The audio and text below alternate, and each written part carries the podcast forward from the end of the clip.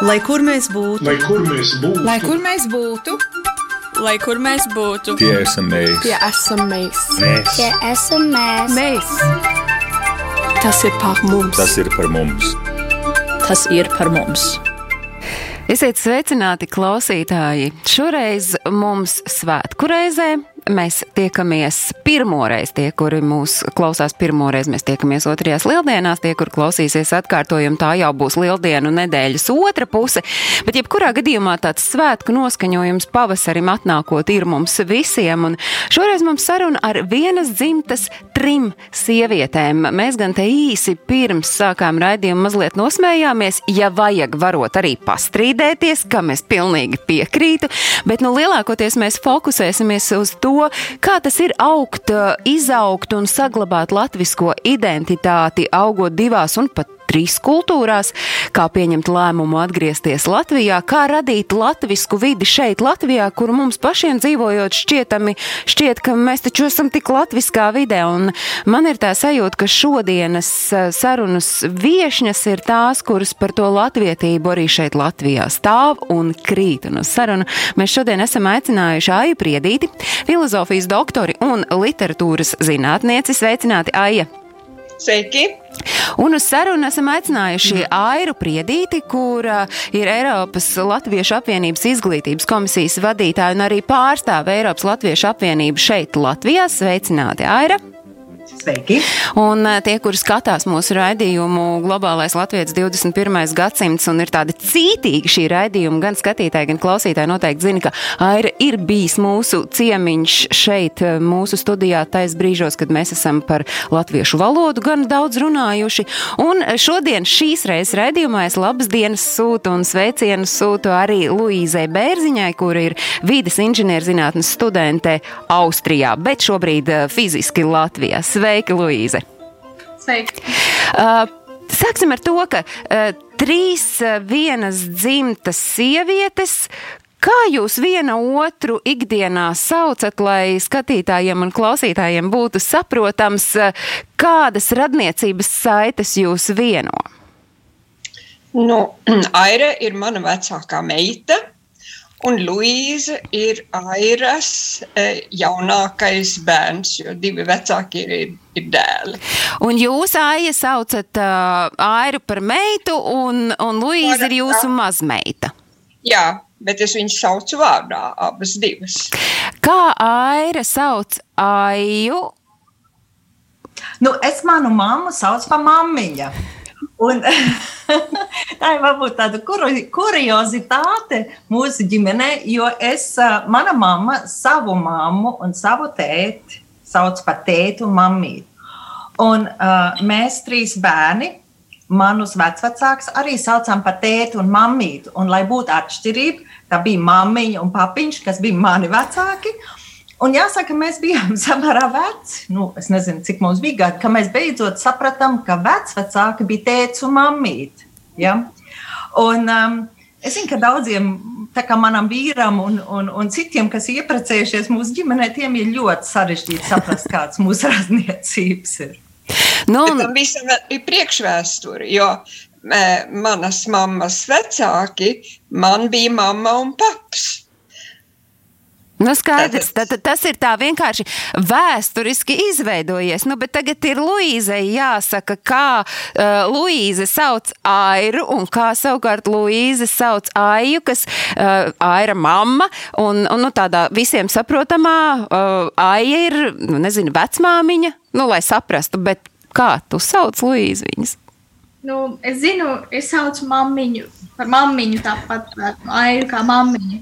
Jo es zinu, ka viņai nepatīk vārds omīte, un vecmāma nekad nav licies laikam tāda nu, normāla lieta, un tad mēs vienkārši esam sākuši pa mammiņu, un mamma ir nu, mamma. nu, tās radniecības saites ir noskaidrotas mammiņa, mamma un uh, mazmeita Luīze, lai nu būtu tā klausītājiem saprotami. Bet, ja jūs gribat mūs skatīties, tad es atgādinu, ka tas joprojām ir iespējams. Mūsu raidījumu var skatīties gan Latvijas radio vienas mājaslapā, gan arī radio YouTube kontā. Lai saprastu nu, to galveno sāli, kāpēc mēs esam šoreiz jūs uzaicinājuši ar to galveno vadmotīvu domāt par to, ko tas nozīmē izaugt divās un pat trīs kultūrās, saglabājot to latvisko identitāti, droši vien jāsāk Aija ir ar jūsu, nu tādu īso dzīves stāstu. Jūs ar vecākiem savulaik emigrējāt uz Vāciju, tad esat dzīvojuši, dzīvojusi Zviedrijā, tad atkal Vācijā. Nu, un Vācijā arī ir dzimusi Aira. Un, ja mēs runājam par airu un par, par pārējiem jūsu bērniem, tad nu, tas viss laikam sākas ģimenē. Nu, tā ģimene ir tā, kas notur to latvisko vidi, un jūsu mājās es saprotu, nu, tur nebija variantu, ka kāds varētu runāt kādā citā valodā. Ja. Nē, nu, pilnīgi noteikti nē. Nu, lieta jau tāda, ka Mm, es esmu dzimusi Latvijā, ar vecākiem nonācu kara laikā Vācijā, un mani vecāki bija nonākuši Zviedrijā. Un tikai tā, ka man bija kaut kādi pieci vai pieci gadi apmēram, tad um, viņi atrada mūs un varēja izsaukt kā pirmās pakāpes radiniekus uz Zviedriju. Un, un, protams, ka mājās mēs runājām latviešu. Vecāki pat kārtīgi neiemācījās nekad zviedriski runāt. Vecākiem arī gāja grūti ar zviedru valodu. Un, kad es sāku iet skolā, es arī nevienu vārdu zviedriski nepratu. Un man vecāki man arī nevarēja palīdzēt, jo viņi tajā laikā arī vēl neprata vispār zviedriski. Un tāda pie mums mājās vispār nekad nav bijusi runa par to, ka varētu runāt citā valodā nekā latviešu mājās. Un tā, kad es aizbraucu uz Vāciju studēt, un te es biju pieaugusi tad jau, un apprecējos ar latvieti Vācijā, un Mums arī nekad ne, nevarēja būt runa par to, ka mēs mūsu bērniem varētu sarunāties citā valodā. Un es arī es esmu domājis, ka nu, latviešu valoda ir īstenībā tā valoda, eh, kā, kā es dzirdēju, kā viens šveicis itālis teica, ka viņš pēc prāta ir ir, e, ne, galvā viņš ir šveicietis, bet sirdī latvietis. Un man jāsaka tā, ka tas ir pilnīgi vienalga, vai es esmu dzīvojis Zviedrijā, gājis Zviedrijā, skolā dzīvojis Vācijā, tikusies ar vāciešiem, iedzīvojis arī Vācu vidē, bet sirdī es esmu latvieta, jā. Un pie, pie tās um, nu, sirds izjūtas piedara arī dzan valodu. Un es te varu iedomāties, ka es ar saviem bērniem varētu kaut kādā citādā valodā sarunāties. Jo, Jā, jo... Tas ir, emo, tur ir emocijas arī iekšā valodā. Jā, es saprotu, jūs kā mamma noteikti sirds valodā runājat ar saviem bērniem, bet bērniem gan es pieļauju domu kādā brīdī, uh, liekas, kā es taču vidē, kur es dzīvoju, tur visi runā pilnīgi citā valodā. Kāpēc man mājās ir jārunā vēl citā valodā? Lai arī tā es saprotu ar prātu, ir mammas sirds valoda un arī mana visticamāk. Un un te es savu skatu vēršu uz Airu. Aira, kas notika, kad jūs vai brālis Pēters vai māsa Mārīte pamēģinājāt mājās runāt vācu valodā? Ne, nu jāsaka jau tā, ka eh, kaut kad mēs bijām nu, tie pusauģi, un mēs gribējām būt tādi kā visi citi, protams. Un es, es, eh, es saku, es vienu labu gadījumu atceros, ka es tā izmēģināju, es vairs neatceros, kādā vecumā es biju. Es manai mammai kaut ko prasīju vāciski, un, un viņa man raust plecus un saka, ka viņi man nesaprot. Un es taču zinu skaidru un gaišu, ka viņi saprot. Bet uh, viņa, viņa ļoti konsekventi man teica, ka viņa to nesaprot. Nu, es domāju, ka tā viena reize man arī samērā skaidri norādīja, nu, ko es tur, tur daudz. Es domāju, ka tad nāca tā, tāds lūzuma punkts faktiski. Uh, tajā, tad nāk tas brīdis, kad tu esi kā pusaudzis un tu gribi būt pilnīgi citādāks nekā visi citi. Uh, Un, zin, tas man bija tik vienkārši, jo es runāju mājās latviešu, man bija mana latviskā vide, man bija latviski draugi. Un es, um, es varēju tik daudz lietas stāstīt maniem draugiem skolā, vai arī, teiksim, vēlāk citiem draugiem. Uh, es varēju tik daudz lietas stāstīt, ko viņi savu mūžu nebija piedzīvojuši, jo vienkārši viņiem tāds latviskums vispār nebija pieejams. Un es domāju, ka tajā brīdī jāsaka, Latvija kā tāda eksotika. Saprotams, man bija no es viņu izbaudīju līdz pēdējām, varētu teikt. Jā. Tā. Bet, Aija, jūsu bērniem augot, mēs runājam par tādu 60. un 70. gadu Vāciju, 60. beigas, 70. Jā. sākums. Tolaik tā bilingvālā audzināšana, nu tā, es pareizi saprotu, mēs Vācijā tā, par tādu reti, kad runāja, nu jūs bijāt arī patiesībā unikāli un pārsteidzoši arī tajā vidē tolaik. Jā, tā lieta jau tāda, ka nu, 60. gados, 50. un 60. gados jau um, vairāk vai mazāk visās Eiropas valstīs bija nu, asimilācijas politika. Gribēja, ka nu, nu, labi akceptēja, ka tur ir e, svešu zemnieki, jeb svešinieki ir, ir valstī, bet nu, gribēja, lai viņi, viņi asimilējas. Bet es domāju, ka mēs jau dzīvojām īstenībā divas dzīves. Viena bija tā dzīve, ko mēs dzīvojām nu, vai no nu Zviedru vidē vai Vācu vidē. Un, un tā kā mēs, ja teiksim, par mani runājot, es pārvaldu gan zviedru, gan vācu valodu, un ar savu valodu nekādā ziņā nu, neuzkritu, ka es būtu, ka es atšķirtos no, no vāciešiem.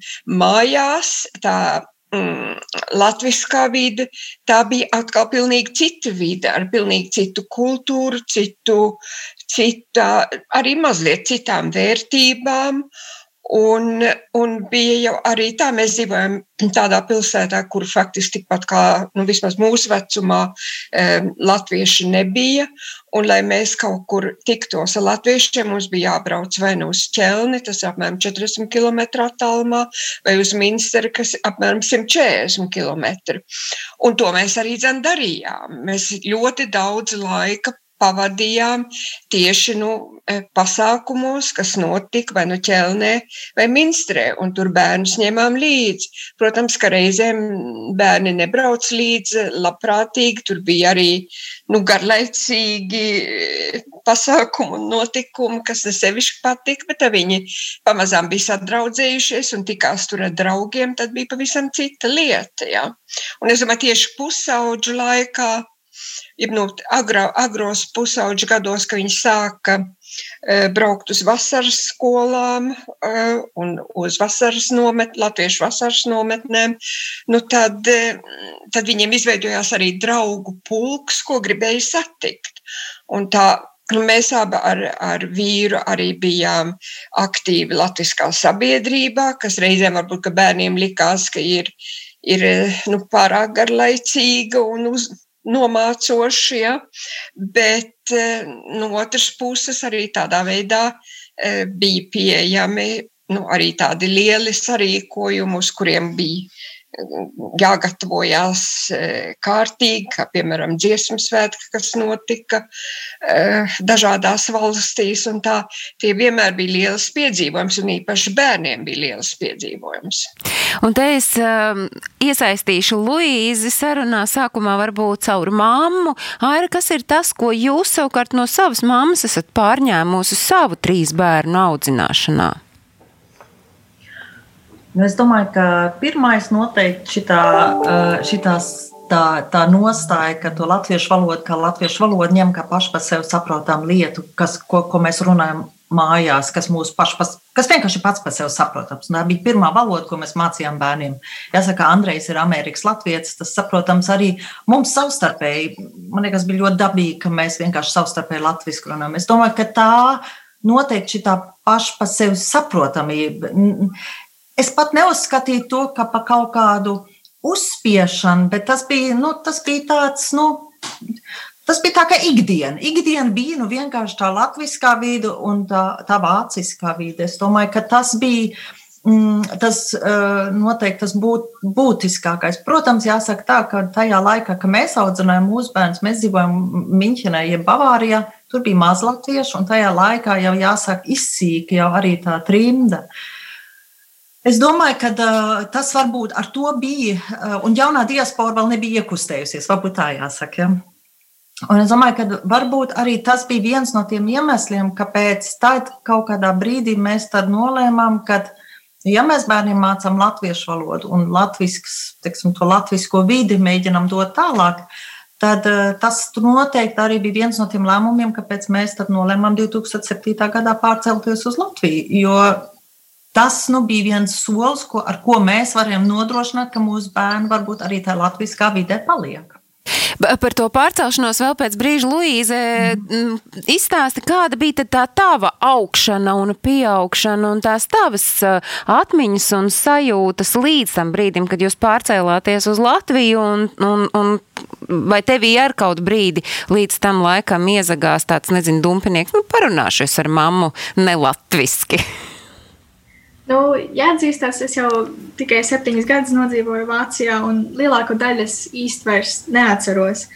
Bet um, es, es ļoti labi atceros, ka mēs, mums vienmēr, mamma bija, varētu teikt, noteikumi ģimenē. Tas, ka e, mājās jārunā latviešu, skolā runā vāciski, un ja izklaides ziņā drīkstēja skatīties amerikāņu, angļu filmas. Un tas kaut kā, tas ir ļoti dziļi palicis atmiņā tādā ziņā, ka, nu, Es neatceros arī, ka es būtu kādreiz mēģinājusi runāt citā valodā ģimenē, bet arī man brāļi to īsti nemēģināja, tad, kad es biju jau diezgan nu, pietiekami pieauguši, varētu teikt. Tā kā jā. Jebkurā gadījumā tā tā bija pašsaprotama lieta, un tomēr Aira, redzot, ka bērns aug nu nevairs divu valodu kultūrā, te jau mēs vairs nevaram runāt par audzināšanu bilingvāli. Patiesībā Luīze un droši vien arī jūsu abi dēli, Aleksandrs un Māksis, viņi arī ir auguši jau tajās trijās valodās. Nu, tur jums tā stingrā pārliecība, ka tur nekas papildus nav jādara, vai tomēr jūs um, ne, nu, pakausī kurbulējāt sev, ka tai latviskai valodai ir jāpievērš varbūt vairāk uzmanības. Tas nevar būt tikai tik, cik mēs mājās runājam. Ne, nu, ir varbūt jāsaka sekojošais. Eh, es domāju, tas, ko mana mamma teica, ka eh, jābūt konsekventam. Es, es tikai varu paņemt, ne, nu, protams, mēs varbūt aizgājām vēl vienu soli tālāk. Mēs bērniem bērns audzinājām trijās valodās. Mājās mēs tikai latviešu runājām. Tā kā viņa bērnu dārzā nonāca, viņi sāka runāt vāciski. Mēs neļāvām bērniem skatīties televīziju, bet viņi drīkstēja filmas angļu valodā skatīties. Mm, no sākuma mēs bijām samērā, samērā kārtīgi. Tad kaut kādā brīdī teiksim, mums darba valoda samērā daudz bija angļu valoda, un tā mums arī ikdienā samērā daudz iezagās angļu valoda iekšā sarunas valodā. Un tā kā mūsu vecākais dēls sāk iet pirmā klasē Vācijā, tad viņš atnāca ar savu pirmo domārakstu mājās. Un es jau nu, biju šausmīgi vīlusies, jo nu, atzīmes nedod, bet dod tādu, nu, tādu smaidošu sējiņu vai tādu bēdīgu sējiņu. Un viņš tagad atnāk ar bēdīgu sējiņu. Es, es tagad šausmās, domāju, ārpats, ko, kā tas var būt. Un tā. Un tagad es izlasīju, ko viņš bija uzrakstījis, ka viņš bija uzrakstījis visu, ko viņš zina vāciski, bet tos vārdus, kas viņam, ko viņš nezināja vāciski, tos viņš bija ierakstījis angļu valodā. Protams, nemākot pat riktīgi angliski rakstīt. Ja? Un, un tajā brīdī mēs ar Andreju sapratām, ka ir jābūt ļoti konsekventam. Un šī konsekvence, es domāju, Bet es nedomāju, ka maniem bērniem jebkad ir bijis kaut kāds sliktums no tā. Es domāju, īstenībā mēs viņus esam milzīgi bagātinājuši ar to, jo viņiem ir tiešām bijis tas, ka viņam tā ikdiena nu, bija vāciski, jo mēs Vācijā dzīvojam loģiski. Angļu valoda bija tā, kā Lūija teica, izklaides. Man ļoti patīk tas teiciens, izklaides valoda. Tā bija arī viņiem tā izklaides valoda, vai ne? Un, un, un latviešu valoda bija pats par sevi, pat par sevi saprotamu lietu mājās. Tā man jāsaka, vēl, vēl, ja mēs runājam par to izklaidi, mēs mūsu bērniem neļāvām komiksus skati, la, lasīt. Ja? Bet mana mamma uh, sūtīja komiksus no Latvijas, latviešu valodā, un tad gan viņi tika lasīti, vai ne? Tā kā ir taču visādi. E, e, es tiešām domāju, ka ir ļoti labas lietas, kā to var darīt. Pašam tikai jāapzinās, ka jo vairāk valodas es runāju, arī ja viņas sākumā nav perfekts, jo bagātāki mēs vienkārši esam. Šis man atsauc atmiņā, man brālis dzīvo Vācijā, un viņi dzīvo ģimenē, kur runā trīs valodās. Arī ir vācu, latviešu un krievu valoda. Un tajā brālis runā ar puikām latviski, tikai un vienīgi, bet vāciski viņš runā, un tad tie puikas saprot, nu ir ziepes, tad tētis ir dusmīgs. un savukārt, tad, kad viņi tādi mazi būdami atbrauc uz Latviju, tad bija tas jūsu minētais gadījums, kad viņš bija tik ļoti aizrāvies un kaut ko gribēja ātri izstāstīt, tad bija visas trīs valodas vienā čupā - latviski, vāciski, krieviski. Bet tagad par to braukšanu māju, uz Latviju atgriezties. Uh, te ir tās nianses. Aija atgriezās mājās. Aira jau brauca uz Latviju, kura nebija dzimtene. Aija, jūs, uh, Aira pieminēja, ka viņa pārcēlās uz Latviju 2007. gadā, un to jau mēs šeit uztveram kā tādu laiku, jā, tad jau atgriezās daudzi. Jūs atbraucāt uz Latviju 1994. Gadā, un, un tas bija tas laiks, kad droši vien jūs piedzīvojāt nemazumu dažādu uh, sastapšanos ar mītiem un klišajām, un tas bija tas laiks, nu, kā jūs raksturot to situāciju, kurā jūs atbraucāt uz Latviju? Nu, es domāju, tā, ja es būtu atbraucis uz Latviju kā kā pensionāri, vienkārši tikai lai dzīvotu, tad tas nu, nebūtu sevišķi izdevies gājiens. Daudziem jau bija jāpie, jāpiedzīvo liela vilšanās un, un tā. Bet es atbraucu uz Latviju noteiktā darbā. Un eh, man bija mans dienas uzdevums, un uh, es ļoti ātri, faktiski, es domāju, iedzīvojos um, iedzīvojos gan vidē, gan, gan arī cilvēkos. Un es domāju, ka nepagāja ilgs laiks, ka mani kolēģi bija tāds standarta joks, kad, kā tas bieži notiek pie kolēģiem, ka kāds pēkšņi pastāsta kādu joku krievu valodā vai kaut kādu izteicienu. Un es tad izskatījos, kā liela jautāšanas zīme. Tad, tad pie kolēģiem bija joks, ah, vai dieviņās aitaši neprot krieviski, jā, un tad, nu, tad skaidroju un, un tā tālāk. Un to es uzskatu tomēr par lielu komplimentu, jo tas nozīmē, ka cilvēki vairāk nemanīja, ka es nāku no ārpuses, bet ka es biju kļuvusi par savējo. Un šitais te, mirklis kļūt par savējo ir diezgan, die, ir diezgan grūts un, un sarežģīts. Un man jāsaka, tā man bija divi vietējie draugi, pie kuriem es varēju izraudāties un, un izstāstīt savas problēmas, un kuri to redzēja mazliet savādāk nekā, nekā es, un kur var, varēja man to izskaidrot. Un tas man padarīja dzīvi daudz vieglāk, kamēr es zinu, ka ka citiem, kuriem nebija šādi draugi, uz kuriem varēja simtprocentīgi paļauties, starp vietējiem cilvēkiem, eh, tiem gāja ļoti, ļoti smagi un grūti. Nu, tas laikam arī pat šobrīd vēl nav pārstājis tā būt, un patiesībā tas varētu vēl, es pat nezinu, kad, kad un kā tas varētu mainīties, ka tev ir jābūt šeit kādam tādam milzīgam atbalsta punktam, lai varētu atgriezties un kļūt par savējo. Tad, tad tā kļūšana par savējo bija tas, kas atvie, atviegloja jūsu dzīvošanu šeit, Latvijā, iedzīvošanos. Bet Jā. kas varbūt bija tas, kas jūs tomēr satriec, kam jums nācās kāpt pāri? Varbūt ir kādi piemēri piemēri, ko jūs spilgti atminaties? Nu, mm.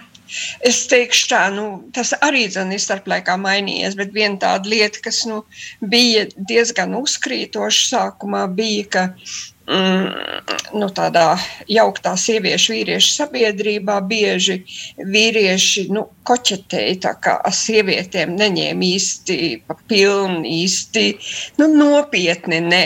Ja? Um, Un eh, es atceros, ļoti labi bija tāda sieviešu konference. Tā jau bija samērā agri. Un, un tur bija piedalījās vairāki ministri, Latvijas ministri, un tur bija arī ministri no ārzemēm. Eh, bet tā, tie ministri no ārzemēm bija sievietes. Un tad kāds no tiem latviešu dalībniekiem teica, ja, nu, eh, Pareizi, Somijas, Somijas um, aizsardzības ministra bija sieviete.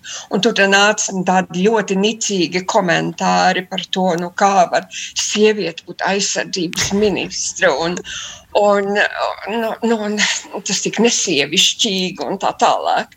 Un tam jāsaka tieši par šo jēdzienu sievišķīgi un vīrišķīgi. Pret, pret tiem es esmu diezgan tāda alerģiska. Ne jau, ka es domāju, ka sievietēm jāiet tūlīt grāvis rakst un, un, un vīriešiem kaut kādas īpašas sievišķīgas lietas jādara, bet es domāju, ka uzsvērt tādas, tādas sievišķīgas lietas vai vīrišķīgas uh, lietas nav gluži pareizi un īpaši audzināšanā. Nē. Minējāt, ka jūs atbraucāt, nevis vienkārši atbraucāt, bet jūs atbraucāt ar uzdevumu šeit uz Latviju, atklājiet klausītājiem, skatītājiem to uzdevumu, un cik mēs varam uh, sasaistīt šo jūsu uzdevumu ar to, ka nu, jūs to latvisko vidi kurbulējāt un turpinat to darīt arī šobrīd. Nu, tajā laikā tas ir 90, faktiski jau 93. gadā sākās. Um, nu, lieta bija skaidra, ka lai gan pūlējās un mēģināja um, mūsu latviešu nerunājošiem iedzīvotājiem iemācīt latviešu valodu, un, kā es saku, gandrīz kurš katrs, kas prāt latviešu, mācīja kādam, kurš neprot latviešu, latviešu valodu, bet pēc un pat nolika eksāmenus un ko tur, bet pēc kāda laika manīja, ka nekādu panākumu nav. Un, mm, un tajā laikā jau diezgan agri jau bija tā doma, ka mums ir kaut, kā veid, kaut kādā veidā jāpieslēdzās Rietumē Eiropai, jo mēs esam Rietumē Eiropas daļa. Un, mm, un tad Latvijā tajā laikā bija um, UNDP, tas ir apvienoto nāciju attīstības programma. Un, um, viņu šefs bija kanādietis, kas arī tīri labi saprata, um, nu, ka valodas var būt liela problēma, jo viņiem jau arī problēma ir ar franču valodu un angļu valodu. Un viņa ideja bija tāda, ka vajadzētu izveidot vienu latviešu valodas programmu latviešu nerunājošiem Latvijas iedzīvotājiem. Un kāpēc jūs iesaistījāties šajā programmā? Jo skaidrs, ka latviešu valodas apgūs valsts programmas izstrādāšanā, kas bija šis ANO projekts, iesaistījāties jūs ar pilnu atdevi. Jā, tāpēc, ka pirms tam es strādāju trīs gadus Stokholmas Universitātē un vadīju Stokholmas um, uh, Universitātes Baltvalodu katedru. Un mums um, Stokholmas Universitātē bija arī viens ļoti interesants pētniecības institūts, tāds divvalodību pētniecības institūts. Un, um, nu, es tur dažus kolēģus uh, pazinu. Un viņi, viņiem bija ļoti plašs piedāvājums um, arī nu, nu, citiem kolēģiem, ne tikai savējiem, um, par divvalodības uh, pedagoģiskām problēmām.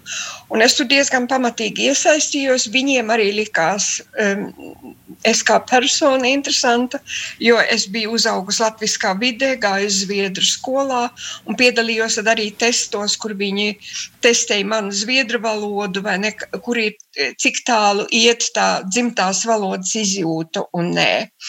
Nu, un e, šo pieredzi es gribēju arī izliet, izmantot nu, Latvijā un pieteicu vienu lielu projektu Zviedru institūtam, ko viņi varētu finansēt, e, kā palīdzēt skolotājiem mācīt latviešu valodu nelatviešiem. Nu, par to lietu uzzināja arī Džons Hendra un arī no ārlietu ministrijas pāris cilvēki.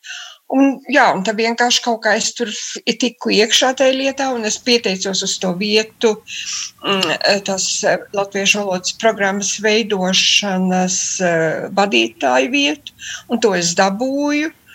Un, eh, jā, un tad sākās tā lieta, un tā mums bija, Latvijā mums bija Es vairs neatceros, cik tur cilvēki bija, bet bija kaut kādi 18 cilvēki. Viņi gan uz maiņām nāca no dažādām Eiropas, arī no Amerikas, un Kanādas un Izraēlas bija eksperti. Viņiem pievienojās apmēram tāds pats skaitlis eh, latviešu eksperti no dažādām augstskolām. Tur bija no Rēzeknas, no Daugaupils, no Jelgavas, Liepājas un Rīgas mūsu eksperti, un viņi kopīgi sēdēja un strādāja sešas nedēļas, lai izveidotu šo latviešu valodas apgūves programmu. Nu, un šīs latviešu valodas apgūves programmas direktori jūs bijāt uh, vairāku gadu ilgumā, un pēc tam jūs uh, kļuvāt, un uh, jūs var droši saukt par cilvēku, kurš par to latviešu valodu šeit Latvijā tiešām ir stāvējis un kritis, jo latviešu valodas apgūves aģentūras direktori līdz pat 2006. gadam jūs esat bijusi, un, un vispār šī latviešu valodas aģentūra, nu tas, man liekas, ir nesaraujams jēdziens ar āju priedīti. Jā, es domāju, arī varbūt, tur nāk līdzi viena ideja, proti, es domāju, ka e, valodu nevar iemācīties, ja to kaut cik nemīl. Un, teiksim, mūsu tā, programmas pamatā bija arī latviešu valodu e, pienest e, tiem cilvēkiem, kas nerunā latviešu, negrib runāt latviešu, un tā tālāk pienest nu, ar tādu labvēlību. Ja? Un nu, šobrīd tas ir tas, ko Latviešu valodas aģentūra atkal dara uz otru pusi, skatoties uz diasporu, uz diasporu vai ne? Jā. Un tur jums droši vien ar sirds gavilē, bet tagad es gribētu mazliet saprast, Aira, jūs pārcēlāties uz Latviju 2007. gadā, bet kad jūs pirmo reizi bijāt Latvijā un ko jūs no tā atceraties? Es pirmo reizi biju, man liekas, ka es biju 84. gadā Latvijā. Un, Uh, es pie, nu, jāsaka, tas bija kultūras šoks. Tas bija viennozīmīgi liels kultūras šoks. Un uh, vislabāk es atceros to, ka līdz tam es biju augusi ar vienu latviešu valodu, kas man bija tā kā beigta valoda, vai ne? Tur, tur tāda valoda, nu, es runāju mājās, bet viņa man bija tā kā beigta valoda. Un, un tad uh, es, mēs šeit pa, pa ielām staigājām, un pēkšņi tur redzu uzrakst piens vai maize vai um, siers. Ja? Uh, Un atklāti sakot, es no tās reizes, protams, ka es zināju, ka daudz krievu valodu dzirdēju un tā tālāk. Bet tas man bija tā kā, tas, tas bija maz svarīgi, jāsaka. Man tiešām bija pirmo reizi tā sajūta, tā latviešu valoda, ko, ko es mājās runāju, pa, pa ko mēs daudz runājam, ka tā tiešām ir dzīva valoda. Un es domāju, ka tas bija viens no, no, no tām svarīgākām lietām. Man bija 19 gadi toreiz, un tas bija tāds, nu, tas bija liels pārdzīvojums. Jā. Un kā jūs savukārt raksturotu pārcelšanos uz Latviju 2007. gadā? Jūs jau vairāk kārt piesaucāt vīru, kurš ir savukārt Amerikā dzimis latvietis. Kā jūs šo lēmumu pieņēmāt? Nu, mazliet jūs teicāt, jā, ka jūs jau laikam sirdī to sapratāt, ka kaut kad tas notiks, un tas arī ir tas iemesls, kāpēc jūs ar bērniem konsekventi runājat latviski. Un tomēr, kas notika tajā 2007. gadā? Un arī droši vien Luīza uzreiz apdomā, kāds bija bija tas septiņgadnieka atbraukšanas notikums uz Latviju? Es domāju, ka um, tur, tur varbūt vairākas dzīves sakritības bija. Viens bija saprotams, ka mums ar Andreju palika 40 gadi, un mēs vienkārši domājam, ja mēs vēl kaut ko traku gribam izdarīt, nu, tad, tad, tad tagad. Ja, ja tagad ne, tad nekad. Tas bija droši vien viens. Otrs bija, kad nu, um, 2005. gadā man, mana vecā mamma Latvijā nomira 2006. gadā, trīs mēnešus vēlāk. Mans tēvs un mana mamma palika tomēr viena pati Rīgā, lielā mājā dzīvojot. Un tas bija tā viens, un, un jūtās tik bezpalīdzīgi. Mēs visi trīs bērni tomēr bijām vai nu Vācijā, vai, vai kaut kur citur, un, un, un jūtās tik bezpalīdzīgs.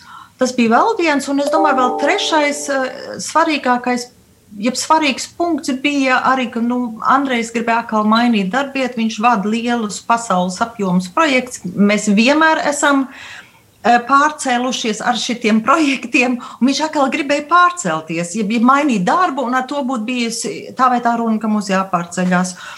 Un tad, nu, protams, bija arī tā pārdoma, ka varēja tikpat labi uz Latviju pārcelties, ja radās darba iespējas un, un vispārējais sakrīt.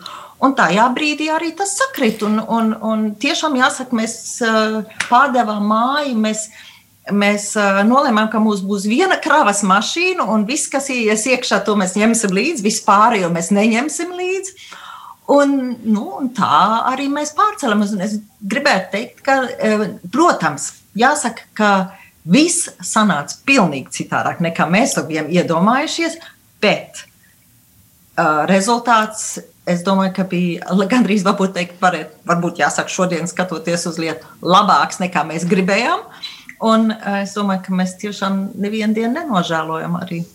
Kā jūs kļuvāt cik ātri par tiem savējiem, tas, ko Aija minēja, nu, ka kļūt par savējo, tur kaut kam ir jābūt. Jums palīdzēja mamma kļūt par savējo arī dzan viens no tiem cilvēkiem. Es teiktu, Agnēs, ka es vēl joprojām nejūtos kā savējais. Uh, tas tā visdrīzāk, uh, es, es gribētu teikt, kāpēc varbūt mēs tik veik, veiksmīgi integrējāmies arī Latvijā, bija vienkārši tas, ka mēs nekad nerunājam par to, ka mēs atgriežamies uz Latviju, jo mēs jau te nekad neesam nedzīvojuši. Man vēl joprojām bieži vien jāsaka, ir daudzas um, izdarības. Teiksim, mani draugi, ja mūsu draugi, visi ir tiešām vietējie, un, un, un viņi ir burvīgākie draugi pasaulē.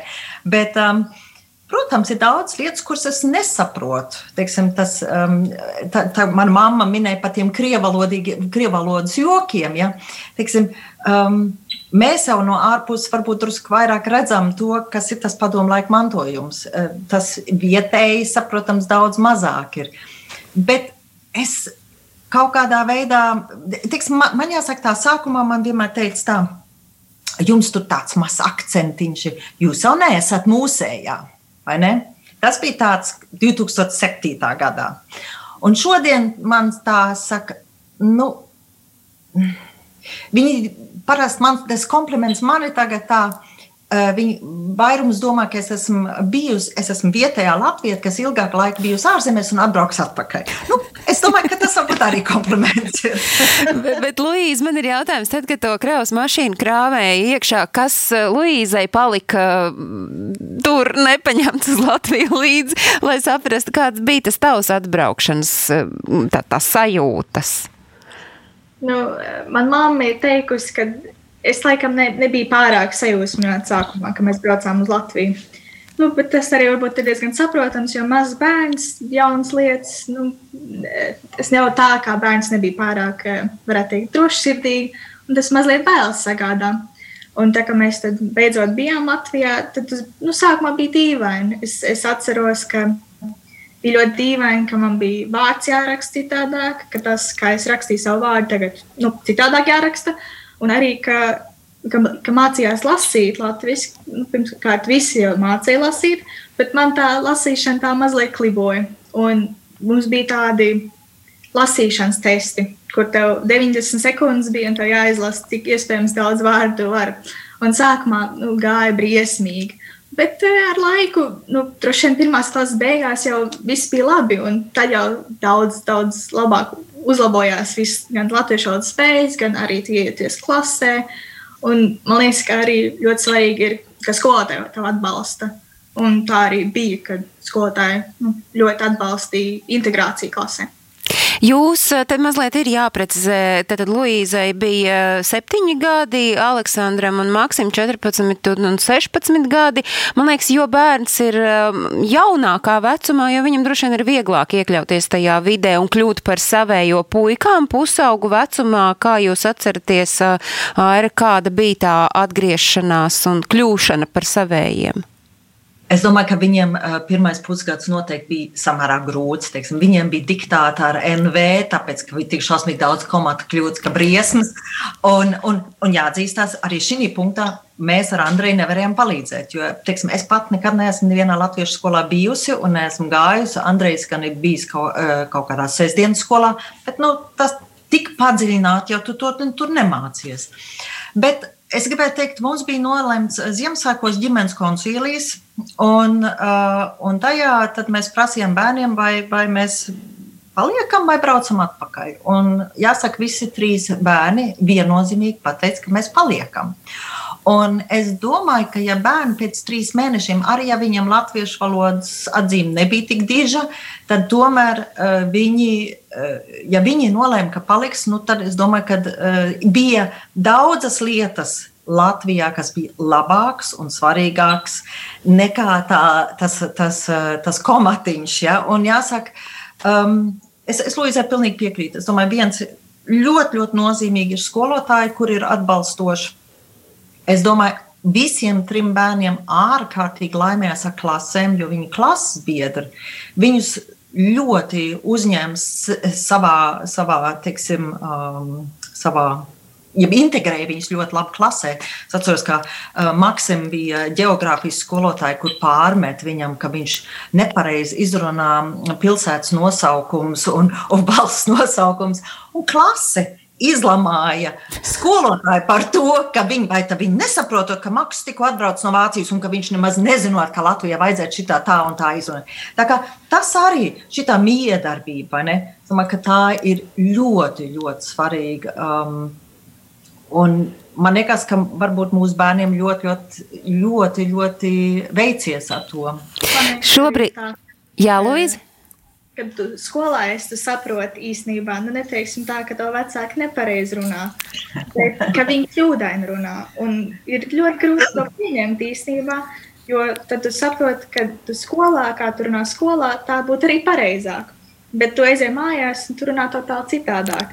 Un pie skolotājiem tas arī tas viņiem, man liekas, ir diezgan e, grūti arī to saprast, ka viņi labo tavu domu rakstu par to, ka tava mamma saka tā, bet šeit Latvijā tā neviens neko tā nesaka.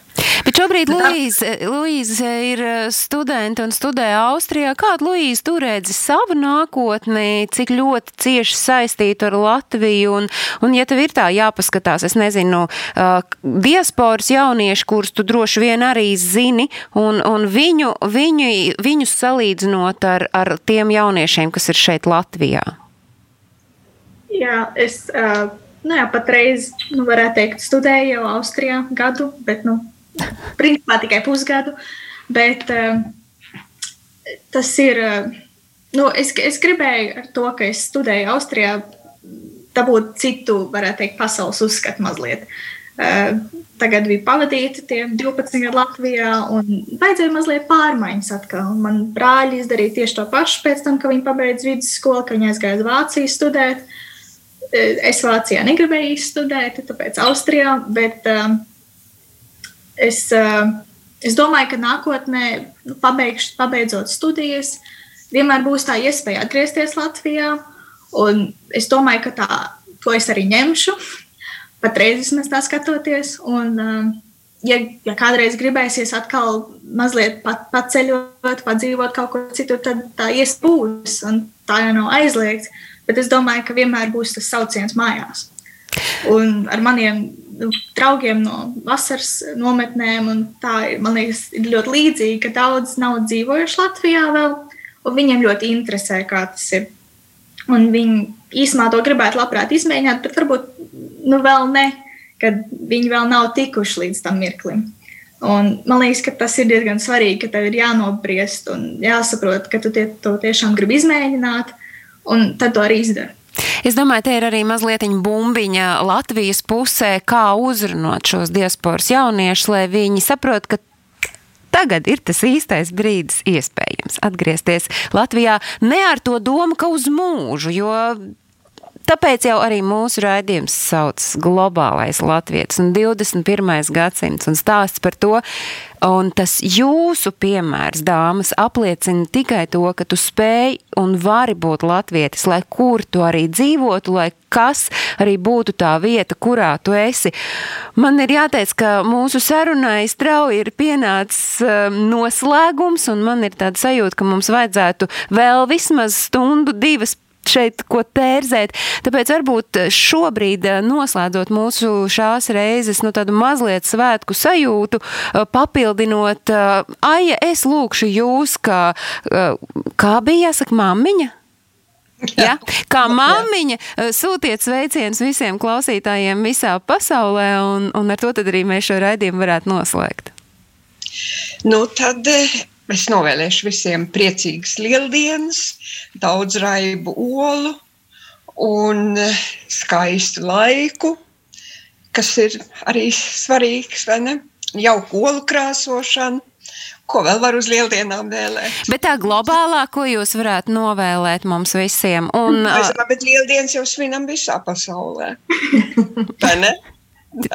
Un, la, un, un latvieši arī jā, ir pilnīgi visā pasaulē. Man liekas, nav ir, jau tāds. Ir, pat Dienvidā Afrikā ir. Nu, tad sūtām sveicienus latviešiem visā pasaulē. Šodien sarunājos ar trim brīnišķīgām dāmām no vienas dzimtes. Es runāju ar Aiju Priedīti, ar Airu Priedīti un ar Airas meitu Luīzi Bērziņu. Aija ir filozofijas doktora un literatūras zinātniece. Aira savukārt ir cilvēks, kurš pārstāv Eiropas Latviešu apvienību šeit Latvijā.